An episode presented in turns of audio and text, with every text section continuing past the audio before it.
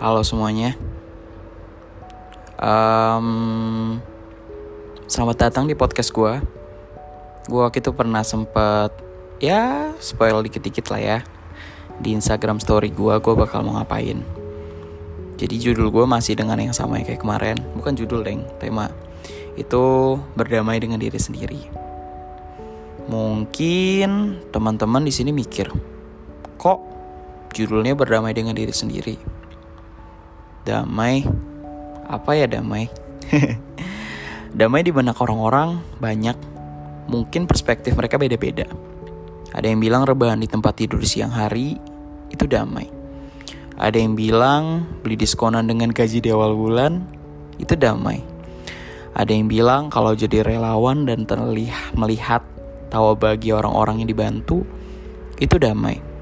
Sampai juga ada teman-teman yang bilang kalau sesimpel dosen gak masuk kelas di hari Senin itu damai. Kalau buat kue, damai itu ketika bisa jadi diri lo sendiri dan terbebas dari belenggu ekspektasi.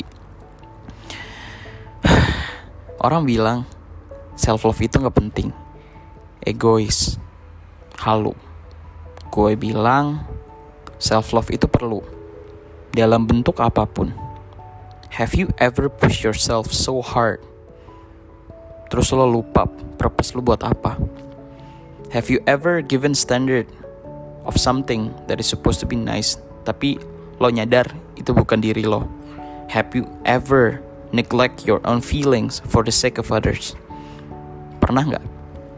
Kita kadang suka lupa Gak kadang, Deng. Sering. Kalau orang yang kamu push habis-habisan setiap hari adalah orang yang kamu lihat rupanya setiap hari di depan cermin. Diri kamu sendiri.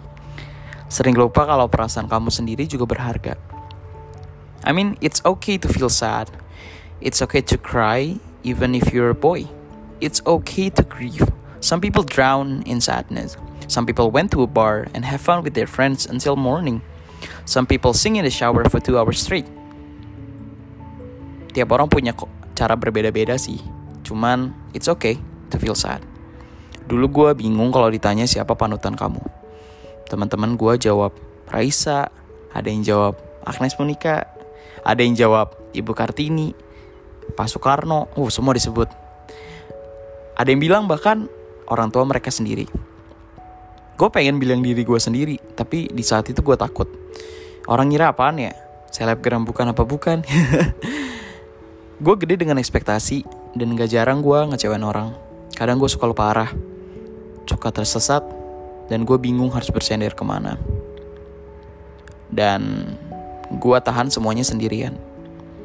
Pulang dari sekolah, gue bisa masuk kamar, tahan, bener-bener tahan semuanya, dan mungkin terkadang bakal meledak.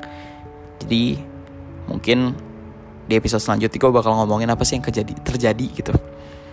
Tapi overall gue bangga sama gue yang sekarang dan yang dulu dan yang mana pun itu.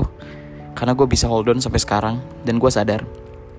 People who grew up with high expectation often grew and grow into one individual who thought mm, mm, sorry that it's their job and their responsibility to make everyone happy to please every single expectation that people shoot to them often neglecting their emotion their dreams.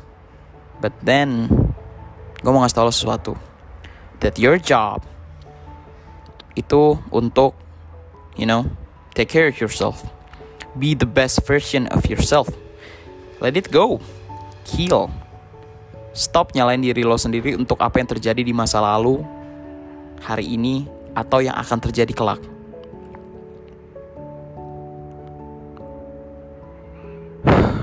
Because not everything is your fault.